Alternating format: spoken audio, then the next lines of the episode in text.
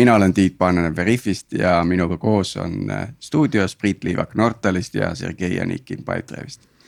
Sergei, sinust ongi vahepeal saanud lausa kogu Pipedrive'i juht, et räägi mõne sõnaga, millega nüüd tegeled ja, ja mis siis algoritmist edasi saab äh,? väga hea küsimus äh,. see oli suht ootamatu äh, aga noh, äh, tegelikult on täiesti arusaadav, et meie CEO Raj Shablok äh, tundis, äh, et ta võib-olla pingutas üle, et alguses, kui ta liitus Pipedrive'iga, ta lootis, et ta saab oma perega siia koolitud, aga noh, nagu me näeme siin selle. viiruse pandeemia tõttu liikumine ei ole võimalik ja noh, nüüd ta siin oli pool aastat, üle poole aasta ja tundis, et ikkagi see ei tööta tema ja tema pere jaoks ja pidi kahjuks äh, lahkuma. Äh, ja äh, noh, e-, e-, ega muud varianti ei olnud, et seni kuni otsitakse uut juhti. mina ja üks Michael, kes on ka suht värskelt liitunud Pipedrive'iga kolm kuud tagasi aga vastutab kogu nii-öelda äri poole eest, kahekesi siis juhime Pipedrive'i ja see on äh, üsna huvitav periood ka, et kus me eelarvestame nii järgmist aastat või noh, käesolevat aastat, kui ka teeme strateegia kolme järgmise aasta äh, kohta, nii et pingeline. ja, ja mis, mis kas... algoritmist saab, eks noh, praegu ma olen siin, aga meil on ka plaan olemas, et meil Pipedrive'is on päris mitu inimest kes võiksid äh, vahepeal äh, võib-olla mind äh, asendada saatejuhtidena, nii et vaatame, mis Just. saab. et kohe, kohe-kohe tuleme ka nende nimedega välja, et aga, aga viimased, viimased nükked veel vaja teha, et ähm, aga siis tänase saate juurde ja, ja meil on suur rõõm tervitada Algorütmis meie külalist Ahti Heinlat. et tere, Ahti, kuidas sinul läheb? Mul on ka rõõm teil siin saates olla eh, ja tervitada kõiki kuulajaid ja samas ka Tiitu ja Sergeid ja ka Priitu. kõik vanad tuttavad ja, eh, ja läheb hästi. eelmine aasta oli Starshipile üsna keeruline ja, ja tegelikult meedias on päris palju informatsiooni selle kohta üsna detailselt, et eh, kuidas sina täna nagu kokku võtaksid, et, et millest nagu läbi tulite ja kuhu olete kohale jõudnud? Ma arvan, et tegelikult meedias eriti detailselt midagi, midagi eriti ei ole, et, et, et. Äh, no eks inimesi eks... kõige rohkem jah huvitab seesama. veel ei ole. pärast palkasid ja Ahti veel ei ole, nii kui sa praegu lahti räägid meeles ja kohe pannakse ka meediasse, nii et ära muretse selge äh, Äh, kindlasti kõik aastad on idufirmal alati rasked ja, ja, ja idufirma peab alati võitlema selle nimel, et, et inimesed temasse usuksid ja, ja, ja et kõik läheks hästi. ja äh, mis meil oli see, et eelmisel aastal meil, meie suur osa meie, meie vedudest, mida me vedasime, olid Ameerika ülikoolides ja siis pandeemia hirmus need pandi järsult kinni niimoodi noh, nagu päevapealt umbes või võib-olla sihukese mõnepäevase etteteatamisega ja loomulikult ülikoolide äri ongi sesoonne, et suvel ei toimu midagi ja koolivaheajal ei toimu midagi. aga eelmisel aastal järsku see koolivaheaeg tuli kaks kuud liiga vara või noh, varem kui, varem kui, kui, kui arvasime, aga muidugi oli väga palju ka sihukest teadmatust, et mis edasi saab, et millal need ülikoolid jälle lahti tulevad ja niimoodi, aga noh, tegelikult nagu reaalsus on näidanud, et nad augustis tulid kõik jälle uuesti lahti ja, ja, ja edasi praegu kinni ei ole läinud, et, et. et noh, mis tegelikult juhtus, oli see, et, et meil kaheks kuuks ülikoolides eriti ühtegi vedu ei toimunud. mujal meie veo, vedude arv jällegi kolme või viiekordistus ja, ja, ja praeguseks on kõik tagasi ja kõik teeme, teeme rekordeid nii nagu varemgi. rekord oli selles, et saime täis oma miljon vedu siis äh, algusest peale ma mäletan, mu naine veel mäletab seda, kuidas, kuidas äh, üks, üks pidu, mis me Starshipis tegime äh, asjade tähistamiseks, me oleme kogu aeg noh, kõik alati mingid siuksed. teetähised ikka kümme tuhat ja sada tuhat ja, ja mu naine mäletab seda pidu, kus, kus, kus me kutsusime kõik töötajad koos peredega siis Starshipi noh kontorisse, noh tänapäeval pandeemia ajal muidugi seda enam ei tee. aga, aga siis oli, tähistasime seda, et kümme tuhat kilomeetrit sai robotitel sõidetud. ja noh, praegu me sõidame kümme tuhat kilomeetrit päevas robotiga, robotitega. mitu et, tiiru ümber maakera siis juba tehtud on selle miljoni sõiduga? noh, see on oma umbes kolm miljonit kilomeetrit, et ümber maakera siis peaks olema, mis see siis nüüd kiiresti arvutades on. Vast saab sada tiiru täis, võib-olla seitsekümmend mm -hmm. tiiru ümber, ümber maakera, üks tiir, üks tiir, tiir ümber, ümber maakera tuleb umbes sihukese nelja-viie päevaga. et umbes, umbes sellise tempoga, tempoga praegu liigume, et see on see, see vedude tegevus või äri on selline, et noh, sa nagu väga ei kujuta ette nagu kui suured need mastaabid tegelikult on. nagu kilomeetrite mõttes ja selles suhtes, mis seal, mis robotitega tänaval toimub, et. kohta kokku lugema, me teeme mingi viiskümmend viis tuhat teeületust teeme päevas. noh, et mõtled seda, et ma mõtlesin, et, et kui palju, meil on kaardid muidugi ja robotid on kaardid, nad sõidavad kaartide põhjal. ja -hmm me küll oleme väga kaugel sellest, et kogu maailma ära vallutada, me opereerime ainult umbes paarikümnes kohas üle maakera. ja meil kaartide peal on, kui ma õigesti mäletan peast, siis on nelikümmend tuhat valgusfoori. Noh, siuksed skaalad on natukene sellised noh, natukene hoomamatud, et me, me ei ole mm. veel sellises skaalas nagu mingi UPS või FedEx, mis teevad viis miljonit vedu päevas, eks ole. aga nemad aga... ei tea valgusfooridest midagi Äh, no nemad tegelikult nende juhid, autojuhid teavad, aga nende autojuhid on, on inimesed no,, nii et nendel, nende, nendel on teistsugused kaardid. kuule Ahti, aga kui sa kunagi mõtlesid Starshipi, Starshipi roboti peale ja mõtlesid tema funktsionaalsuse ja võimekuse peale. et kui kaugel me täna sellest oleme, mis, mida sa kunagi unistasid, et, et võiks realiseeruda? ma arvan, et me oleme praegu. Praegu me oleme umbes täpselt seal olemegi, mida mm., mida kuus ja pool aastat tagasi ma mõtlesin, et, et, et kuhu võiks jõuda. peab küll kohe mm. ütlema, et, et nagu kõik ettevõtjad on optimistid, muidu need ettevõtjad ei asutakski. et ma arvasin, et me jõuaksime sinna kohta umbes võib-olla kahe või kolme aastaga. ja tegelikult on rohkem aega võtnud, ma mäletan ma näiteks siuksed esimesed siuksed back of the napkin arvutused, mida me tegime siis, kui kogu firma oli lihtsalt kaks inimest ja tahvel. ja mõtlesime, esimestena maailmas, et võiks kõnniteele panna robotid, mis võiks midagi, midagi vedada inimestele. ja see kõik tuli lihtsalt ehitada ja see on väga-väga keeruline, mis on tulnud, tulnud meil ehitada.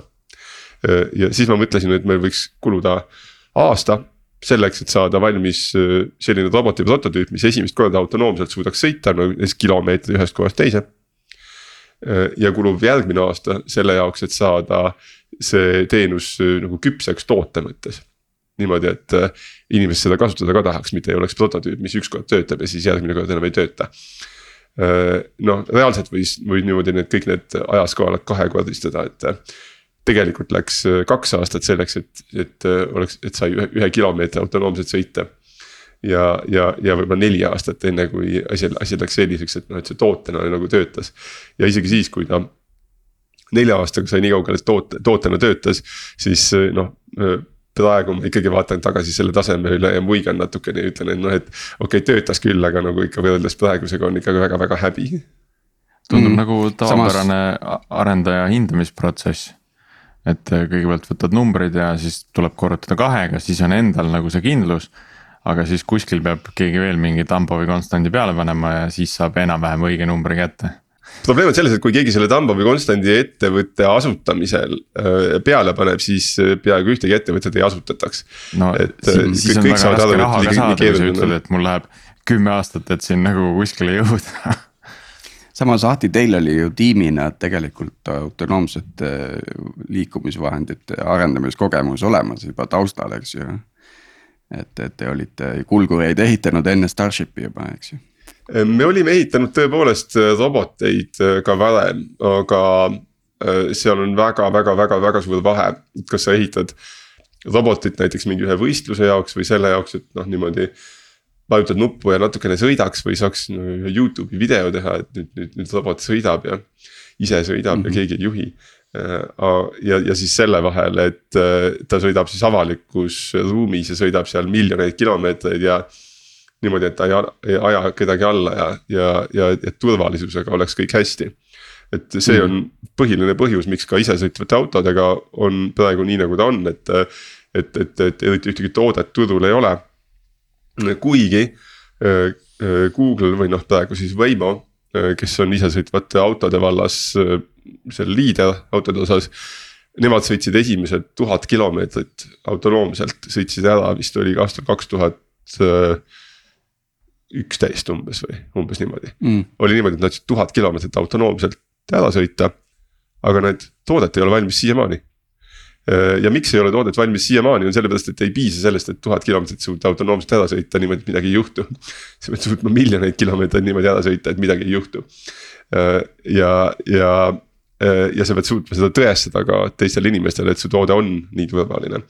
ja see üheksakümmend üheksa koma üheksa üheksa üheksate arv, mis seal olema peab on väga suur ja see on palju suurem, kui tegelikult alguses selline naiivne tehnoloog ette kujutab.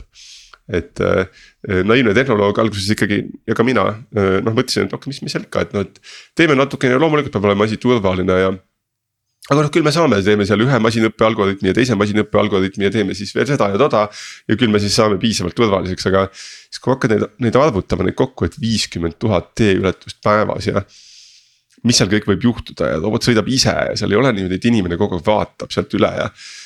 see maailm on nii kirju, mis toimub ja erinevad ilmastikuolud ja teised inimesed, autod, kõikvõimalikud ratastoolidega inimesed ümberringi, et äh, see, et saavutada neid äh, soovitud turvalisuse tasemeid, äh, see on raske. ja ta on kindlasti autodel raskem ka meil turvalisuse nõuded ka robotile täna on võib-olla on siis see. See koht, kus, kus põhiaur läheb, et neid, et enam nagu põhifunktsionaalsus on paigas, nüüd on vaja selle põhifunktsionaalsuse toimimine garanteerida nagu võimalikult paljudes eri tingimustes või. et, et ma mõtlen, mis see nagu Starshipi robotilt praegu puudu on? me tahame kõike panna paremini tööle, aga turvalisuse mõttes, et kuigi turvalisuses on meil selline mõõdik meil kindlasti olemas, mida me mõõdame ja, ja ka arendustiimid kogu aeg jälgivad, siis äh, põhiarendus tegelikult ei käi selles suhtes, et teha roboteid üha turvalisemaks ja turvalisemaks, sellepärast et äh, robotid on juba piisavalt turvalised. ja kui nad seda ei oleks, siis me lihtsalt ei saakski opereerida. Äh, selle taseme me saavutasime juba aastal kaks tuhat seitseteist, et robotid olid piisavalt turvalised, et sõita iseseisvalt kõnniteel ilma, et neil, neil käiks järel mingi inimene. ja see oli, see oli muide esimene, me olime esimene tiim maailmas, kes äh, opereeris roboteid äh, avalikus kohas, ilma et neid kogu aeg keegi inimene, inimene vaataks. isesõitvad autod veel kaugeltki sel, sel ajal ei olnud nii kaugele jõudnud. ja meie tegime seda esimesena loomulikult ma ei ütle, et, et me oleme niivõrd palju paremad kui isesõitvate autode firmad, kuhu on miljardid investeeritud ja tuhanded inimestel siis arendustiimid asi on lihtsalt selles, et meil kõnniteel on palju lihtsam see ülesanne ja äh, siis sai see turvalisuse tase saavutatud äh,, aga me tahaksime, et robotid oleksid autonoomsemad äh,. ja et meie teenus töötaks paremini äh, ja me räägime siin robotitest ja see on muidugi loogiline kõik, et me räägime robotitest, mm, aga kui vaadata koodiridade arvu näiteks tarkvaras siis meil on umbes kaks miljonit rida koodi robotis ja umbes kaks miljonit rida serverites pilves. et seal pilves toimub, toimub sama palju elu kui robotites tegelikult. et meie firma ei ole sugugi mitte ainult robotid ja eh, kui ta ka on, on ja isegi see osa, mis on robotid, ei ole sugugi mitte ainult autonoomse sõidu tarkvara. vaid on ka riistvara, vaid on ka see, et millised näevad välja roboti tagatuled ja mismoodi nad vilguvad täpselt ja. kas, kas selle disainimise jaoks on eraldi tiim? loomulikult kõikide asjade jaoks on eraldi tiimid ja kuigi meil firmas kokku on arendajaid umbes sada või noh, insenere, tehnilisi inimesi on umbes sada. siis kui hakkad kõike kõik kokku lugema, mida see saja inimeseline tiim teeb, siis kiiresti jõuad järeldusele, et iga üksik tiim on tegelikult väga pisikene. et äh, umbes kakskümmend viis inimest tegeleb selle tarkvaraga, mis on roboti sees. umbes teist sama palju inimesi tegeleb selle tarkvaraga, mis on pilves. ja umbes kolmandat sama palju tegeleb roboti riistvaraga. ja kõik need asjad kokku, kui vaatad, siis näiteks see tarkvara, mis on pilves. Mm, see on väga keeruline süsteem, mida me ehitame robotid peavad sõitma, robotitel peavad kõikvõimalikud asjad toimima. hästi palju erinevaid asju peab toimima selle jaoks, et saada tehtud kasvõi üks teeületus või sõitud, sõidetud kasvõi üks sada meetrit. rääkimata siis sellest, et jõuda siis kliendini.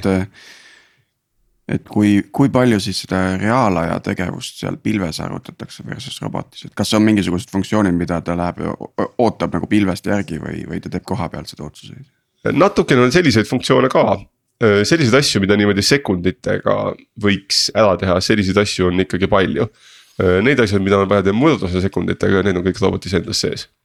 aga mm. tegelikult robotid on selles mõttes suhteliselt rumalad, et et nad küllaltki palju, kõik, mis võimalik, ütleb, ütleb server neile ette.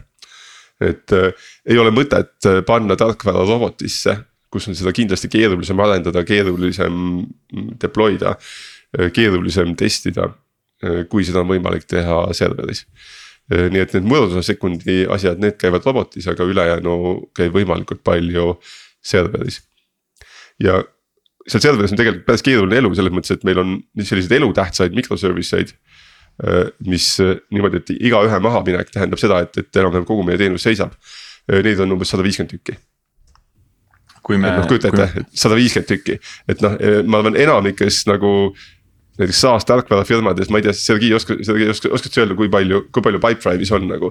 ma pigem oletan, et on vähem on... elutähtsaid või siis kriitilisi tõenäoliselt on vähem, kokku on pigem rohkem vast. meil, meil äh, asi algas ju suurest monoliidist, on ju, ehk see.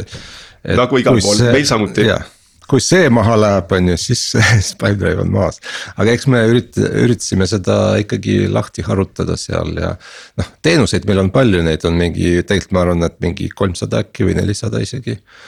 aga nende ja see tegelikult ju hajutatus aitab äh, üldise stabiilsusele on ju, et jah, teenus läheb maha, mingi konkreetne feature ei tööta, aga üldiselt nagu. Pipedrive ikkagi on kättesaadav ja on võimalik kasutada seda.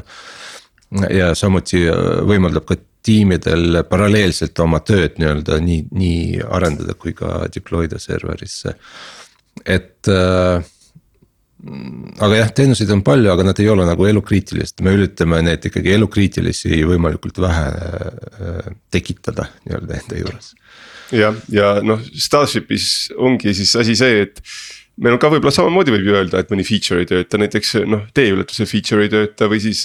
või siis roboti luku või kaane avanemise feature ei tööta või, või, või midagi muud ei tööta nagu, eks ole, aga see kõik tähendab kahjuks seda, et reaalselt meie teenust kasutada ei saa. kui ükski nendest maas on mm. -hmm.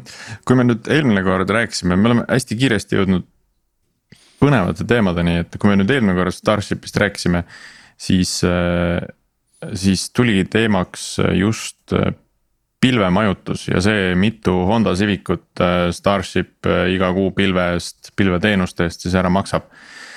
ja, ja toona oli siis, tuli ka välja, et üks, üks eesmärke oli just optimeerida neid pilvekulusid või noh, see oli üks väljakutseid, et kuidas siis äh, üha vähemate ressurssidega sama asja ära teha.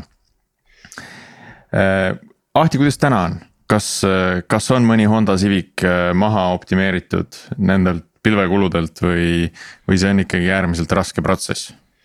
oi, kohe mitmeid on ikkagi maha optimeeritud ja ma arvan, et see on väga-väga-väga lihtne protsess, kui optimeerida ära Honda Civicuid äh, näiteks meie roboti riistvara varuosude kulult. Äh, kus arendustsüklid on väga palju pikemad, et äh, pilve tarkvara on ikkagi see, mida on arendada selles mõttes kõige lihtsam.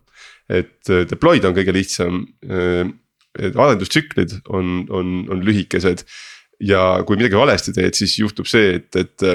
et no võib-olla juhtub see, et, et klient ei saa oma teenust kätte, aga ei juhtu see, et robot sõidab kliendile otsa.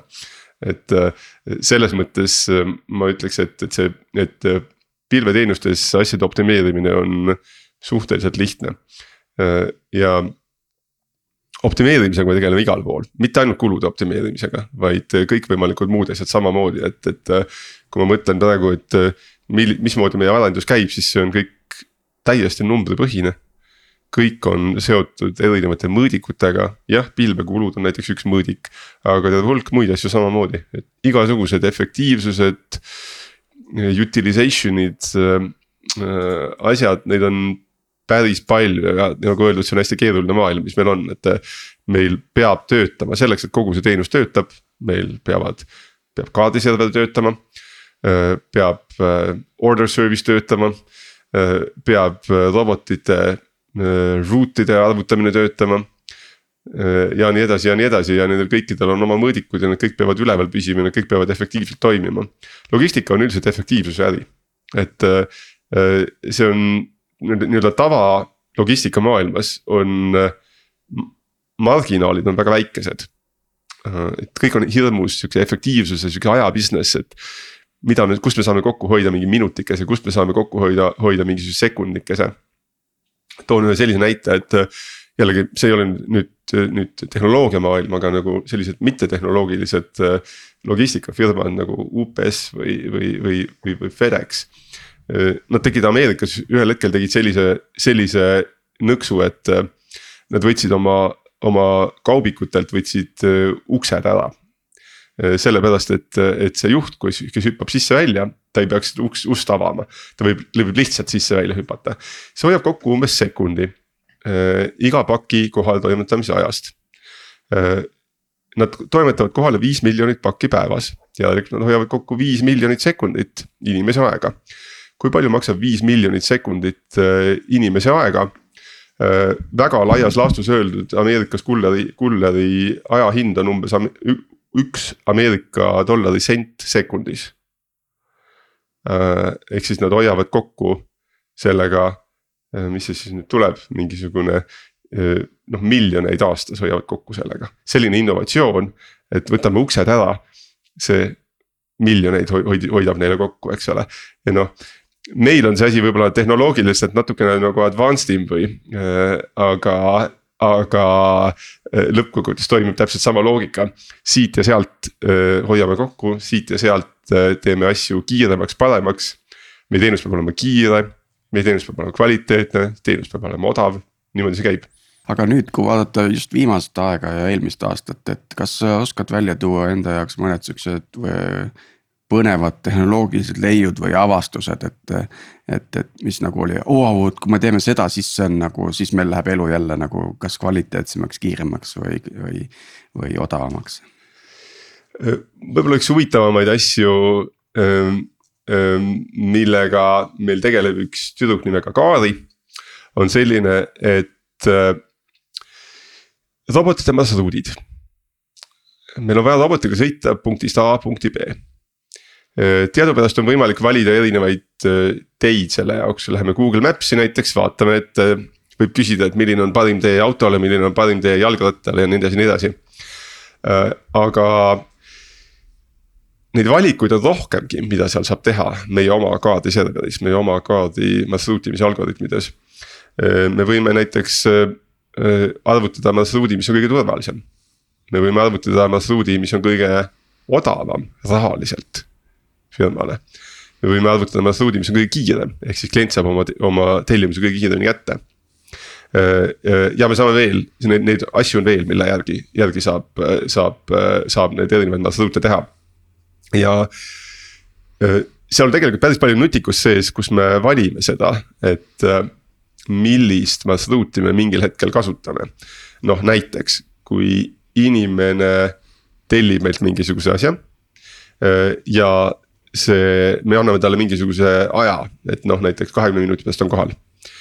ja ühel või teisel põhjusel robot hakkab hiljaks jääma, et juba on üheksateist minutit on kulunud, aga minna on veel mingi kilomeeter või pool kilomeetrit. siis me hakkame kasutama seda marsruuti, mis on kõige kiirem.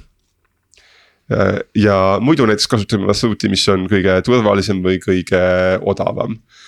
ja selliste asjade optimeerimise pealt, et mis hetkel me teeme mingeid selliseid otsuseid ja kuidas me mõõdame täpselt, milline on see odavam marsruut ja milline on, on kiirem marsruut. selliste asjade pealt saab tegelikult päris palju võitu. ja jällegi, see on selline asi, mida võib-olla alguses ei mõtle, et, et mida üks robotifirma peab tegema, aga täpselt selliste asjadega tegeleme ma tahtsin küsida, kui seesama teenus, ilmselt see on eraldi teenus on ju, mis arvutab äh, noh arvutab nii-öelda need kolm erinevat varianti marsruudist ja, ja siis äh, eraldi teenus, kes otsustab, millist marsruudi nüüd rakendada, ilmselt omavahel nagu saadavad äh, linke. kas te olete mõelnud, et see on ju omaette äh, IP on ju intellectual property, et sellest täiesti eraldiseisva teenuse arendada ja hakata müüma näiteks Boltile seda teenusena?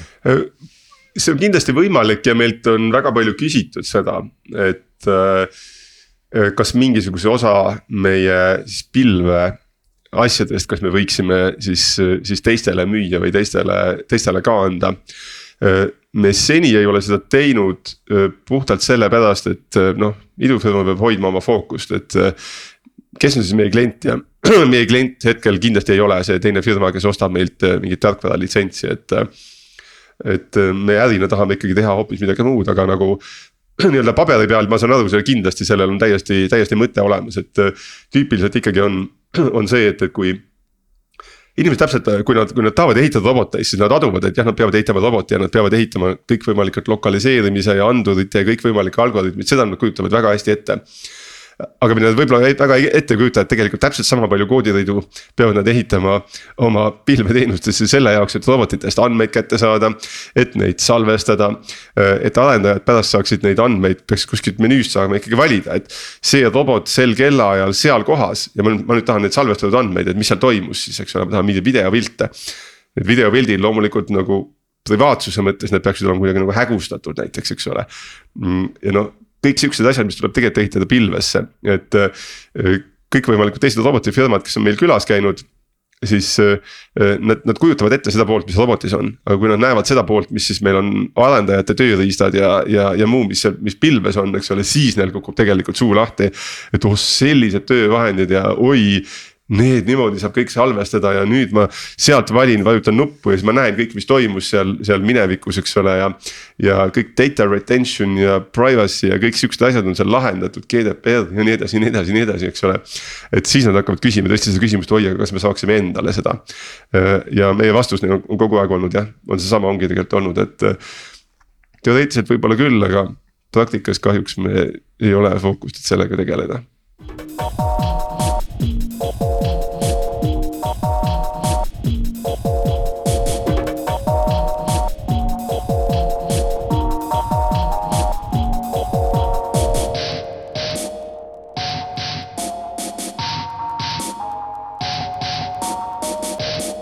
Aga Ahti, mis sa, mis sa arvad, mis, mis on aidanud Starshipil sellisesse kohta jõuda just selle, just selle tausta tehnoloogilise platvormi vaates, et kas see on.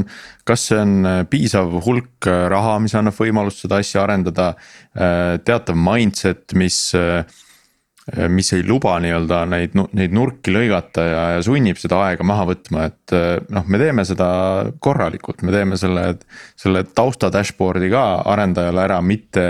mitte me ei sunni teda kogu aeg nagu andmebaasi kirjutama või see on, või see on nende tiimide enda sisemine nagu drive, eks ole, et.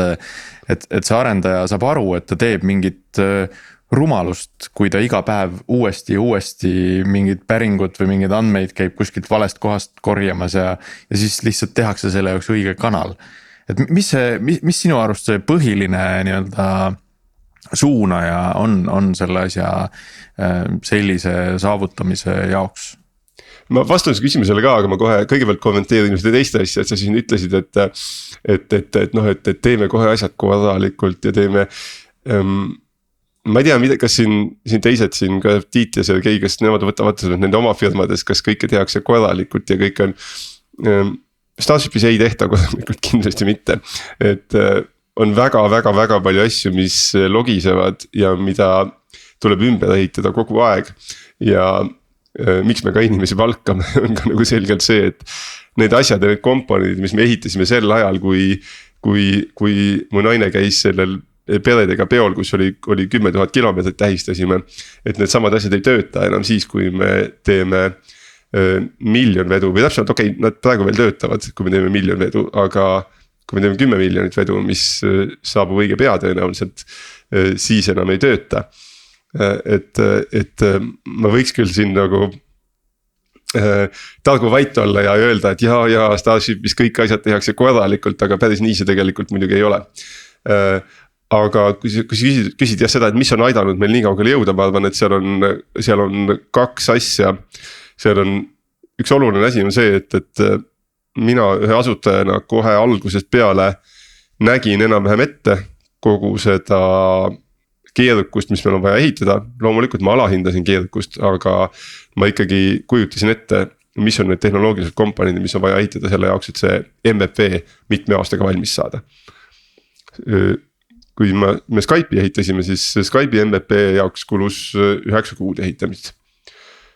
ja seda vist ehitas alla kümne inimese. ma arvan, et mina kirjutasin sellest koodist võib-olla mingisugune kakskümmend protsenti või midagi umbes niimoodi. Starshipi MVP jaoks kulus ikka võib-olla kolm aastat võib öelda, kus piir panna, mis see MVP nagu on, eks ole, aga. aga, aga ikkagi, aga seda teekonda me nägime algusest peale ette.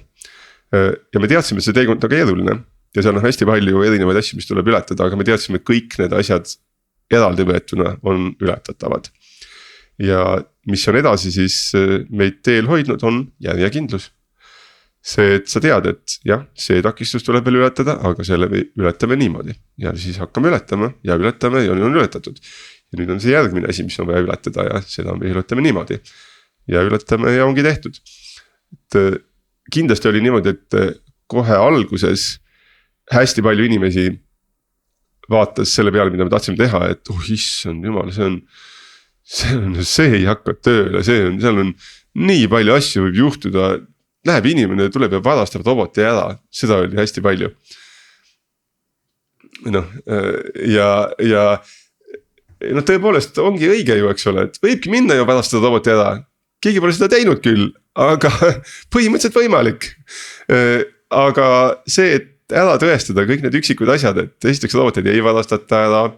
teiseks jah, me saame lahendada selle autonoomse sõidu, jah, me saame lahendada turvalisuse, jah, me saame lahendada seadusandlikud pooled. jah, me saame lahendada veel teise, kolmanda, neljanda, viienda, kuuenda seitsmenda. kõik need asjad saab lahendada ja meil on need kõik asjad lahendatud või noh. nii enam-vähem tasemel lahendatud, tahaks paremini et see järjekindlus, et hoida asjad aja peal, hoida tiimi ka motiveerituna. et me teeme selle ära ja me teeme selle ainsate esimestena maailmas ära, niimoodi nagu me praegu oleme liiderfirma selles vallas. Äh, see järjekindlus on hoidnud meid ajal väga lahe Starship on ka selles mõttes lahe ettevõte, et teie näete nagu tarkvaraarendust nagu kogu spektrumis, et äh, nii embedded lahendusi, veebilahendusi, back-end'i, ML-i. et uuriks natukene, et, et mis sinu nägemus praegu on, et kui sa vaatad nagu seda tarkvaraarendust erinevates kategooriates, et äh, või kihtides. et mis need trendid on ja mis nagu tulevikus juhtuma hakkab, et kuulajad kindlasti huvitab selline kerge tulevikuperspektiivi äh, vaade, mis sul on ma arvan, et äh, ega need mõne aastaga need arengud ei ole tegelikult väga kiired, et eks tarkvara kirjutamine ju põhimõtteliselt on ikkagi sarnane sellele, mis ta oli kümme aastat tagasi või, või, või kakskümmend aastat tagasi, et. noh, mis on, mis on, kui me vaatame minevikku, mis on juhtunud, ma ütleks, et äh, sihukest paar sihukest hästi suurt, suurt trendi, mis on juhtunud, on see, et, et äh, noh, mis on meie kindlasti robotitarkvara arendusel hästi oluline, on, on, on, on see, et masinõpe, noh deep learning ja, ja närvivõrgud. et see on arenenud selgelt noh, plahvatusliku kiirusega ja äh, siis on küsimus, kas seda näiteks oleks võimalik ette ennustada olnud. olulisel määral ikkagi põhjus, miks äh, närvivõrgud on nii palju arenenud, on see, et juhuslikult äh, graafikakaartides kasutatav tehnoloogia äh, selgus, et see kiirendab väga palju ka närvivõrkude arvutusi. ja graafikakaarte ei arendatud selle jaoks, et teha deep learning ut, graafikakaarti, kaarte arendati sellepärast, et maailmas oli ja on siiamaani väga suur turg arvutimängudele. on hästi palju inimesi, kes äh, taovad sealt ühte, teist ja kolmandat arvutimängu ja kulutavad selle. selle peale palju tunde ja kulutavad selle peale hästi palju dollareid ja eurosid selle jaoks, et osta endale üha vingem masin ja. üha rohkem FPS-e ja üha rohkem, ma ei tea, mida kõike.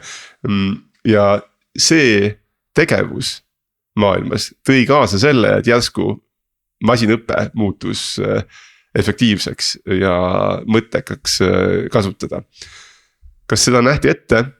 mina kindlasti ei näinud ette. Äh, mina töötasin arvutimängutööstuses ka, mina kirjutasin arvutimänge ja optimeerisin arvutimänge ja tegin, tegin seda palju. ma kindlasti ei näinud ette, et see tooks kaasa äh, sellise muutuse, et, et masinõpe muutub nii kättesaadavaks ja selgita veel, kui ma ütlen, et masinõpe muutub kättesaadavaks, mida see tähendab. see tähendab ikkagi seda, et kui viisteist aastat tagasi oleks veel niimoodi olnud, et teha selline äpp, et. et kui näidata linnupilti, siis ütleb, et see on lind ja, ja kui näidata inimese pilti, siis ta ütleb, et see on inimene. selline äpp oleks olnud sihukene suur uurimisprojekt, see oleks olnud selline, mida, mille noh, ma ei tea nüüd, kus noh, Nobeli preemiat võib-olla ei oleks saanud, aga, aga, aga, aga, aga no päris, päris mitu doktoritööd oleks saanud sellest kirjutada viisteist aastat tagasi. ja tänapäeval on see niimoodi, et äh, iga programmeerija võib võtta ühe online kursuse kulutada viis tundi võib-olla sellele, et, et sealt online kursus läbi teha ja siis see ülesanne lahendada ja on sul see, sul see äpp olemas, eks ole.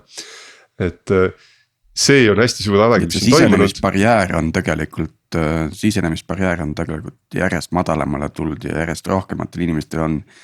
noh, ka mingis mõttes võimalus kaasa lüüa tegelikult, luua teenuseid.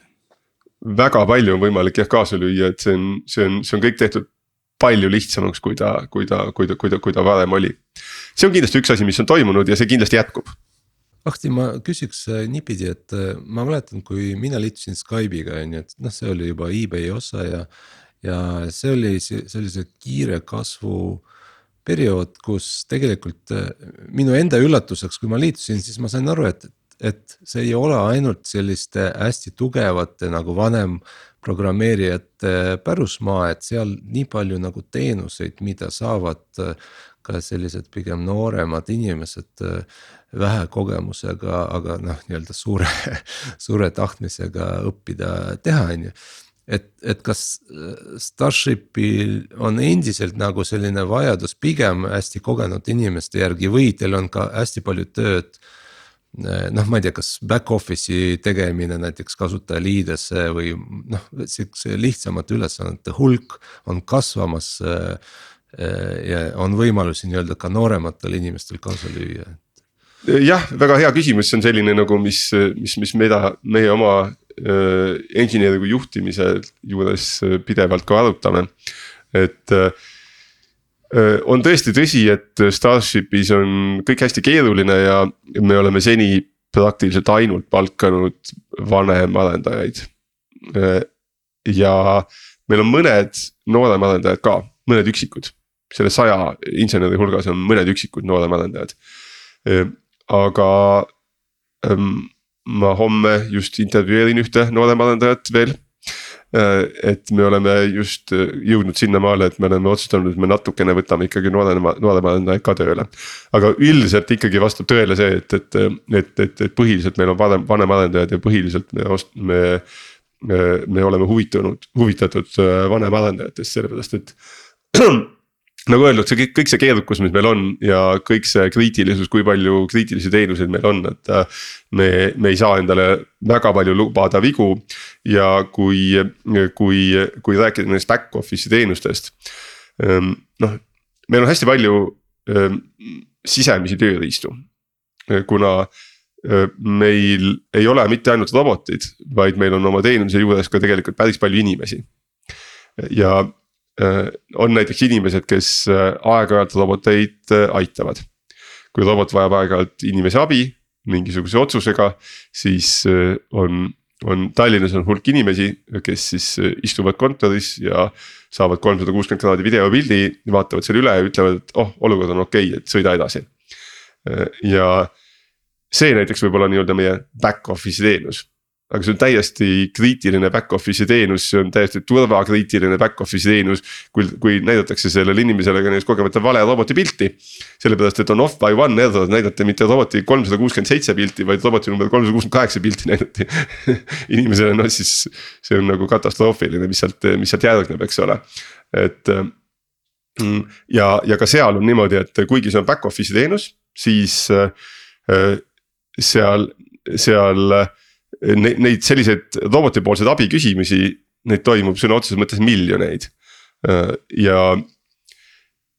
ja ka seal on andmed, mis on salvestatud, ka seal on efektiivsus oluline. et ma intervjueerisin näiteks hiljuti ühte, ühte tootedisainerit, kes, kes, kelle selline professioon ongi firma sisemiste tööriistade disainimine. ehk siis ta ei disaini mitte nagu nii-öelda nagu ilusat äppi loomulikult mugavat äppi küll, aga ta ei, ta ei disaini atraktiivset äppi. ta disainib nagu sihukest ergonoomilist professionaali tööriista äppi näiteks, eks ole. ja ma küsin, kui palju ta, ta on, ta oma, oma töös andmeid kasutab. ta ütleb, oi, et praeguses töös tegelikult, praeguses firmas ma ei, ei kasuta väga palju, et me ei salvesta väga palju oma sisemiste tööriistade andmeid, kasutusandmeid nagu Staasis niimoodi ei saa, meil on need miljon abi küsimist on kõik salvestatud, eks ole. Ja, ja ka selle ehitamine on keeruline. kui nüüd äh, vaadata neid tiime võib-olla veidi laiemalt, et, et, et sa räägid siin hästi palju kriitilistest äh, teenustest, aga kas äh, kas ka tiimide vaates on kuidagi see ära jagatud, et on nii-öelda tuumik, tuumiktiimid on ju, kes, kes võib-olla nende kriitilisemate teemade peal töötavad ja siis tiimid, kes ülejäänud feature ite või võimekuse arendamise juures on. Ähm, kuidas see jaotus teil tehtud on? meil kahjuks neid ülejäänud feature'id eriti ei ole. kõik, kõik on tuumiktiimid? peaaegu, mul ei tule pähe väga. noh, võib öelda näiteks, meil on näiteks tiim, kes teeb riistvara, mitte robotit, mitte roboti riistvara, vaid robotite selliseid kõikvõimalike juurdekuuluvate asjade, näiteks robotite laadijate riistvara. võib ju mõelda, et oi, see pole kriitiline on täiesti kriitiline, kui akulaadija ei tööta, siis robot hommikul välja ei lähe, sellepärast et aku on tühi ja seda on juhtunud. ja kui seda juhtub niimoodi, et, et viiskümmend robotit ei lähe järgmisel hommikul välja, meie teenus on kinni see on. See on täpselt sama kriitiline nagu, nagu, nagu kõik ülejäänu aga see tundub natuke selline, selline noh, mindset'i teema jällegi, et, et mida te defineerite kriitilisena. Te ei defineeri kriitilisena sellist põhiärivoogu, aga kõike, mis märkimisväärselt äh, võib mõjutada kasutaja kogemust või teenuse kättesaadavust. Äh, et, et see ei ole nagu, et see üks pakk, ma saan paki teele panna, aga ta, see kuller võib-olla ei korja seda lähema kolme sekundi jooksul üles, et. Äh, võib-olla läheb viie minuti pärast, siis kui teenus on jälle püsti, eks ole. vaid ta peab selle kohe üles võtma, muidu, muidu ongi probleem, eks ta tingimata ei pea kohe nagu üle, ülesse võtma, eks ole, aga nagu.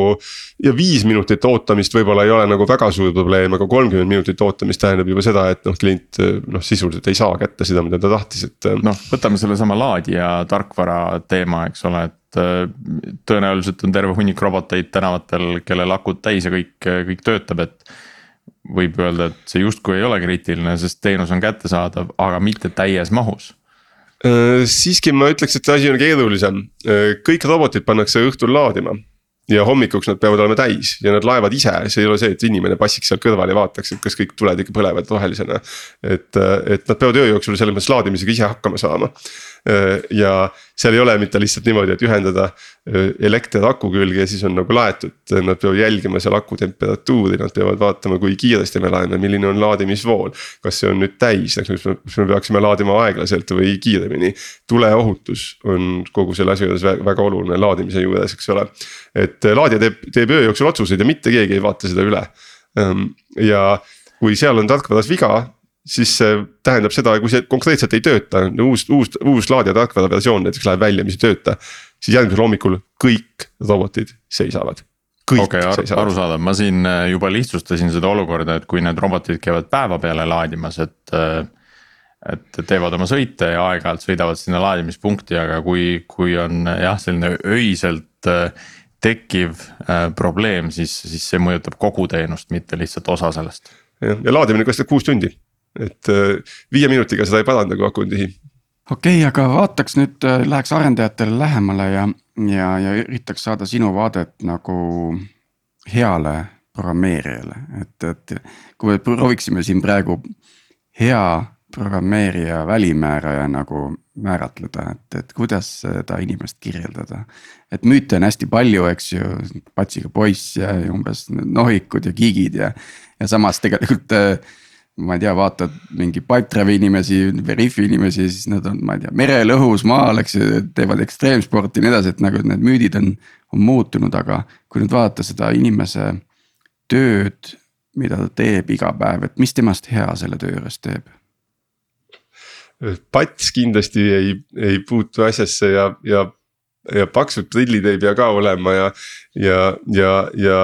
ja, ja, ja tüdrukute juures vähepopulaarne ei pea ka olema üldsegi mitte, et meie üks kõige juhtivamaid äh, programmeerijaid on, on selline, et räägitakse, et kui tema peole läheb, siis kõik lihtsalt tüdrukud lihtsalt langevad talle kaela kogu aeg.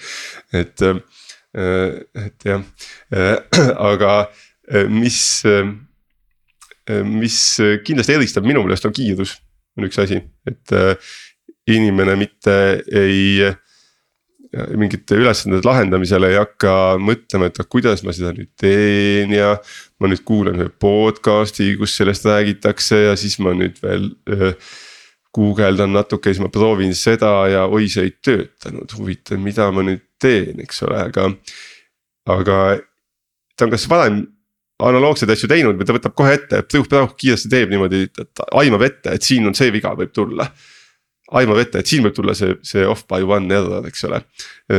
mitte niimoodi, et ta pärast kaks tundi seda debug ib, et miks see, miks see, miks see, kus see viga siis nagu on, eks ole. et see on kindlasti üks oluline asi, aga siis ma ütleks te tegelikult on ka sellised asjad, mida võiks ka nagu sihukeseks teatud juhtimislikeks oskusteks nimetada. et kuivõrd inimene saab aru, et mis on see oluline asi, millega tegeleda. näiteks on, on hulk programmeerijaid, kes on noh, tehniliselt äh, hästi võimekad. aga kellega tiimis on pidevalt selline probleem, et nad teevad vale asja. Äh, äh, näiteks, näiteks mul oli, mul oli, mul on ma räägin ühest väga-väga andekast arendajast, tõenäoliselt nagu tehnilise andekuse poolest üks, üks parimaid inimesi, keda ma tean. kellega, kellega minul oli probleem ja ma kuulsin, et ka teistes äh, firmades, kus ta oli töötanud, oli, oli see probleem, et ta kippus ehitama hästi keerulisi selliseid abstraction layer eid. Äh, et äh, kui oli vaja kirjutada mingisuguses, lihtsalt oli vaja oli mingi komponent, milles oli mingid hard code itud konstandid olid sees ja oli vaja kirjutada conf'i fail sellele, et saaks conf'i failis seda muuta. siis tema esimese asjana kirjutas sihukene conf'i faili, faili äh, formaatide factory kus sai siis konfigureerida erinevaid conf'i faili formaate, sai mingeid ini faili formaate ja JSON-is sai conf'i teha ja kõike ja niimoodi ja niimoodi. ja siis jõudis selleni võib-olla nädal aega hiljem jõudis sellele, et oli see esimene fail, mis siis nagu töötas, eks ole. noh, seda kõike oleks võinud kirjutada viie minutiga, eks ole. et, äh, et äh, ja selliseid inimesi ei ole, see ei ole tegelikult noh, mingisugune sihuke harukordne või ainukordne probleem, et. et, et selliseid inimesi on, on, on muidki, kes noh, mõtlevadki võib-olla niimoodi, et tuleks asju teha nagu by the book hästi korralikult. et ma selle conf'i failide komponendi ma siis kirjutan hästi korralikult, ma teen selle unit testid ka näiteks, eks ole, aga noh. see mm. tegelikult ei ole see, mida on vaja enamasti kohe alguses. ja perfect is enemy of good, et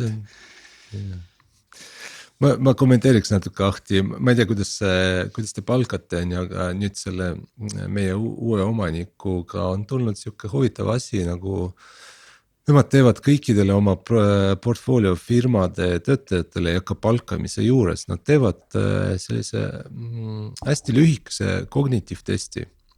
ja selle sisu on see, et, et sulle antakse viisteist minutit ja viiskümmend küsimust ja need ehk kakskümmend sekundit ühe küsimuse peale on ju. Need äh, küsimused on kolmest vallast, noh äh, üks valdkond on keeleline, et noh, seal on inglise keele oskus väga oluline on ju. aga kaks ülejäänud valdkonda on, on siis äh, pattern'ite recognition ehk sa pead, sulle antakse mingid pildid ja siis küsitakse, et milline pilt siia ei sobi. või milline pilt nagu sobiks äh, sinna tühja koha peale, on ju. või, siis äh, antakse mingid äh, noh, muul viisil nii-öelda pattern eid pattern itest aru saada ja, ja see tegelikult näitabki, kui kiiresti inimene suudab äh, noh, esiteks, kui, kui, kui hästi ta suudab oma aega manageerida, on ju, et kas ta saab aru, et kui ka kui ta kümne sekundiga ei ole jõudnud äh, vähemalt äh, arusaamiseni, kus otsida seda vastust siis ta peab lihtsalt arvama edasi minema, on ju. ja, ja, ja teine äh, ongi, et, et ta peab hästi suutma noh, et selleks, et õigesti vastata, sa pead ikkagi äh, teadma, kus ja mida otsida, on ju, ja sa pead neid äh, pattern eid recognize ima ja, ja, ja noh. mõte on see, et, et, et sul võib hästi palju kogemust olla aga kui sa ei suuda äh, kiiresti otsuseid vastu võtta ja sa ei suuda kiiresti nagu aru saada, mis toimub sinu ümber, et, et siis tegelikult äh, noh. sa võid võib-olla suures korporatsioonis töötada, aga sellises dünaamilises keskkonnas nagu, nagu startup, sa ilmselt ei ole väga edukas. et äh, äh ma küsiks Ahti äh, äkki tehnoloogiatest, me ei ole üldse rääkinud, et mis tehnoloogiaid te kasutate, et ilmselt robotites on siuksed hardcore nagu C, C on ju, aga mis teil serveri poole peal toimub. robotites on tõesti jah C valdavalt aga serverites on, on, on Golang, on Node.js ja natukene ka Elixiri. ja muidugi on meil ka andmeladu on hästi oluline ja noh, seal on siis ikkagi noh, muidugi SQL, Python, kasutame Databricks'i. et ja hästi palju on sihukest data engineering ut äh, samuti. et kõiki neid andmeid salvestada ja et nad õigesti, õigesti kohale, kohale jõuaksid. Need on need põhilised tehnoloogiad, mida kasutame. Kafkat oleme viimasel ajal hakanud päris palju kasutama kuidas te otsustasite nende kasuks, mis, mis need nii-öelda valikukriteeriumid olid? Äh, peab ütlema, et äh, päris palju oli tegelikult äh, sellist ajaloolist, et kui hakkad juba ühes asjas arendama, siis, siis sellest, seda muutust teha on nagu raskem, et me alustasime serverites Node.js-iga. ja nüüd oleme üha rohkem Golangi peale hakanud, hakanud üle minema. noh, võib-olla sellistel noh mõistetavatel põhjustel ehm, robotites tegime kohe alguses valiku, et, et, et C ja selle juurde oleme ka jäänud. päris põnev stack, kuidas te Golangiga rahul olete? Ehm, oleme ikka rahul, et äh, ei ole, praegu ei ole veel kava, kava selle pealt kuskile millegi muu peale, peale, peale minna, et. Elixiri oleme, oleme siis proovinud, aga see on ainult vist üks, üks teenusekene, mis Elixiri peal jookseb ja me seni ei ole olnud nii vaimustuses, et oleme mõelnud, et kõik, kõik Elixiri peale, peale ümber teha. millest noh, üks osa kindlasti sellest põhjusest on see, et, et Golangi arendajaid on rohkem kui Elixiri arendajaid mm. -hmm. kas, kas Golang on uus Java hmm.? no see on selline laetud küsimus, ma arvan, et ta ei ole uus Java selles mõttes, et ta ei saa, ta ei saa nii popiks ta ei saa nii teatud sektorites nii domineerivaks kui, kui, kui, kui Java. ma arvan, et see, et, et Java, Javal ühe, ühel hetkel sai selliseks nagu noh, selliseks de facto go to nagu keeleks nagu, et milles, milles osades sektorites noh, näiteks panganduses noh arendati lihtsalt kõike Javas, et. et ma arvan, et praegu on see see maailm natuke rohkem fragmenteerunum ja, ja ma kardan, et sellist domineerivat asja ei tule, aga Golang on hea keel küll. vaataks korra veel siia saate lõppu selle, selle palkamise osa üle, et kuna teil jälle seisab ees see laienemine, et, et kuidas see palkamisprotsess Starshipis välja näeb, et milleks arendajad peavad valmis olema, kui nad kandideerivad meil kogu aeg öeldakse kõikvõimalikud siis äh, ka välised palkajad äh, muudkui ütlevad meile, et kuulge, te peate oma standardeid allapoole laskma, et ei tohi palgata või miks te palkate ainult. miks te nii praagite välja inimesi nii kergesti, et, et äh, kindlasti me otsime hästi kogenud ja hästi nutikaid inimesi üldiselt ja pigem palkame vähem, aga paremaid inimesi. et kui, kui, kui näiteks kui siin üldse palkamisest räägime, siis, siis noh, Starship ei kavatse palgata näiteks sadu insenere äh, sellel aastal. et äh, kümneid võib-olla küll, aga mitte sadu. Ähm, äh, aga küll me otsime kvaliteeti. meil on traditsiooniline nagu intervjuud ikka. mina katsun ka intervjueerida kõiki arendajaid, kuigi pigem arendusprotsessi lõpus praegu või see palkamisprotsessi lõpus. Aga kindlasti üks hästi oluline asi on äh, selline väikene proovitöö või mida me nimetame case study. Ehm, mida me teeme niimoodi, et äh, inimene siis noh, kui just juhuslikult koroonat äh, parasjagu ei ole, siis inimene tuleb meie kontorisse ja ta tuleb paariks tunniks meie kontorisse ja siis ta saab sellise iseseisva tööülesande. mida alguses talle tutvustatakse, et nii, selline on ülesanne, siin on mingid slaidid ja siis on tal iseseisvalt aega näiteks poolteist tundi või kaks tundi seda nii-öelda lahendust välja mõelda. see võib olla koodi kirjutamine, see võib olla midagi muud. ja siis ta peab lõpus oma lahendust presenteerima ja põhjendama ja õigustama, miks ta just sellised valikud tegi. ja see on ka selline asi nüüd Sergei, kui sa, kui sa mainisid, et, et, et selline noh, ülesanne, et on, on viiskümmend küsimust hästi lühikese ajaga.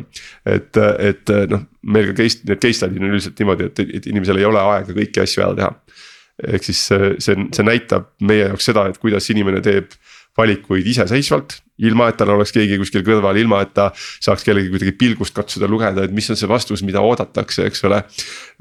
ja, ja, ja ta, ja ta, ja ta, ta saab, saab kiiresti aru, et, et tal aega on liiga vähe ja ja siis, siis ta peab tegema neid valikuid, et aga mida, mida ma teen ja kui põhjalikult. mis ongi täpselt natuke need, needsamad oskused, millest ma ju enne ka rääkisin, et. et kas me nüüd hakkame mm -hmm. kirjutama conf'i failide factory'd või mitte, eks ole, et, et ilmselgelt case study ajal sul ei ole aega seda teha, aga kui sa hakkad seda tegema, siis kukub kohe läbi ja mm, ma olen just. pigem ikkagi märganud, et see case study on ikkagi üks kõige informatiivsemaid asju, et, et.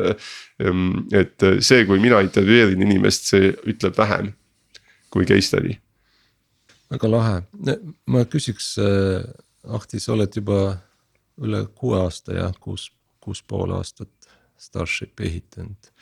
ja, ja nagu ma näen, noh kuulan, ma saan aru, et sa võtad äh, kõik, kõik pooled või kõik nii-öelda osad sellest äh, teenusest äh, hästi põhjalikult ette, noh. kui sa rääkisid sellest laadimisest, mina endale mõtlesin, et mik, miks mitte siis panna see inimene on ju, see on ju palju odavam, kui ehitada see nii-öelda eh, keerukas tarkvara sinna eh, otsa on ju.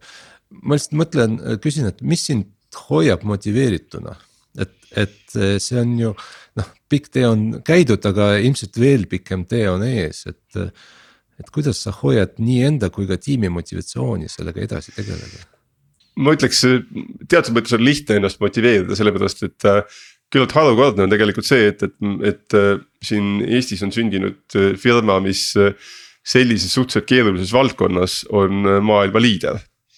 et konkurendid on kaugel selja taga ja see ülesanne, mida me teeme, on automatiseerida asjade liikumine maailmas. keegi ei ole seni automatiseerinud asjade liikumist maailmas Starship kavatseb seda teha. ja, ja me oleme poolel teel, me ei ole nagu päris nagu kõike seda veel ära teinud. et äh, päris kõike tahaks niimoodi, et, et kui inimene tahab saada mingit asja, olgu see hambahari, olgu see piimapakk. siis ta vajutab nuppu ja see tuleb tema juurde kakskümmend neli seitse. ja see tuleb, peaks tulema tema juurde kiiresti. ta peaks tulema auto, automaatselt selles mõttes, et inimesed tahavad neid asju väga palju rohkem, kui kullereid maailmas üldse olemas on. Äh, seda me ei ole veel ära teinud äh, see tuleb tema juurde, aga mitte igal pool. mitte nii kiiresti, kui me tahaks, mitte nii odavalt, kui me tahaks. see asi hakkab tegelikult mängima siis, kui meie teenus muutub kordades odavamaks, kui on traditsiooniline kulleriteenus. praegu ta on natukene odavam, aga ta hakkab tõeliselt käima siis, kui ta muutub kordades odavamaks, kui inimesed ei pea mõtlema sellele, et, et aga kui palju see vedu maksab. ja sinna on veel mõningane tee minna. Äh, ma arvan, suured riskid on veel maas, on täiesti selge, et põhimõtteliselt see asi töötab. inimesed ei varasta roboteid ära ja nii edasi ja nii edasi ja nii edasi. Äh, aga meil on veel terve hulk äh, microservice eid ehitada töökindlaks, efektiivsemaks ja nii edasi, et see asi tegelikult tööle hakkaks. kui riskid on maas, siht on selge, siis motivatsiooniga ei ole probleemi mm. -hmm. sa oled nüüd ettevõtte juht jälle ja, ja, ja kas sul endal jääb ka aega millegi kallal nokitseda, et paar rida koodi kirjutada või on sul mingi äh, hobiprojekt äkki? tegelikult nagu, täiesti hoiab... natukene jääb selles mõttes, et mm. -hmm kui tuleb nädalavahetus, nüüd kui ma olen, olen tegevjuht, siis ma olen näiteks aru saanud sellisest asjast, et kui ma rohkem tege-, tehnilist tööd tegin, siis nädalavahetusel läksid ka kõik töö alla. Aga tegevjuhi töö on mm väga suurel määral rääkimine Äh, ja kui teised inimesed nädalavahetusel tööl ei ole, siis ka tegevjuhil tegelikult ei ole teatud mõttes kellegagi rääkida. Äh, äh, ja siis on aega tegevjuhil koodi kirjutada. tegevjuht ei peaks teenust kirjutama production koodi ja seda ma ka ei tee. aga küll aga ma kirjutan programmeerijatele testiülesandeid. siis näpud sügelevad koodi järele, siis äh, ma võin juba ette öelda, ma loodan, et minu naabrid ei kuula seda, seda podcast'i. Äh, et mu, mu, mu tütar ja naine pakkusid, et, et ähm, naabritele võiks teha ju esimesel aprillil sellise üllatuse, et. et, et me oleme võtnud endale, endale kuked, kanad ja lehma ja peame neid oma, oma väikeses aias. sellepärast oleks vaja tekitada selline asi, et kui naabrid tänaval kõnnivad, siis meie, meie aiast kostaks ammu. selle jaoks oli vaja osta väikene andur, väike automaatne laserkaugusmõõtur, mis kuuskümmend meetrit suudaks ära mõõta. millimeetri täpsusega, siis oli Raspberry Pi vaja, vaja sinna külge panna, siis oli vaja väike programmikene kirjutada Pythonis, mis sammu hääli teeb ja nii edasi ja nii edasi. ja nüüd jääb üle oodata esimest aprilli see meenutab mulle seda Üksi kodus äh, filmi, kus see äh, poiss pani siis äh, need figuurid liikuma seal rongi peal kardinate taga petad, petad naabreid väga hea, ma ei tea, Priit, oled sa veel meiega? aga ma arvan, et on aeg vist tänaseks joon alla tõmmata. ja just nii et aitäh Ahti, et, et tulid saatesse, vaatasime korra uuesti sisse, et Starship on juba vana käia, et Kalle, Kalle Volko oli üsna alguses meil külas ja, ja nüüd Ahti, et. loodetavasti varsti näeme, loodetavasti näeme varsti jälle, et võib-olla Lauri tuleb järgmisena ja, ja, ja räägib Starshipist, et ja kindlasti aitäh kõigile kuulajatele, et jälle tunnikese meiega veetsite ja järgmisel nädalal juba uutel teemadel, seniks siis äh, andke ennast, endast märku ka meie Facebooki grupis. ja, ja kui on häid ettepanekuid külaliste või teemade suhtes, siis sellele oleme loomulikult alati avatud ka emaili teel algoritm.geenius.ee, et jälle kuulmiseni siis aitäh minu poolt samuti ja, ja, ja, ja ärge mu naabritele seda linki jagage, aga teistele jagate, jagage küll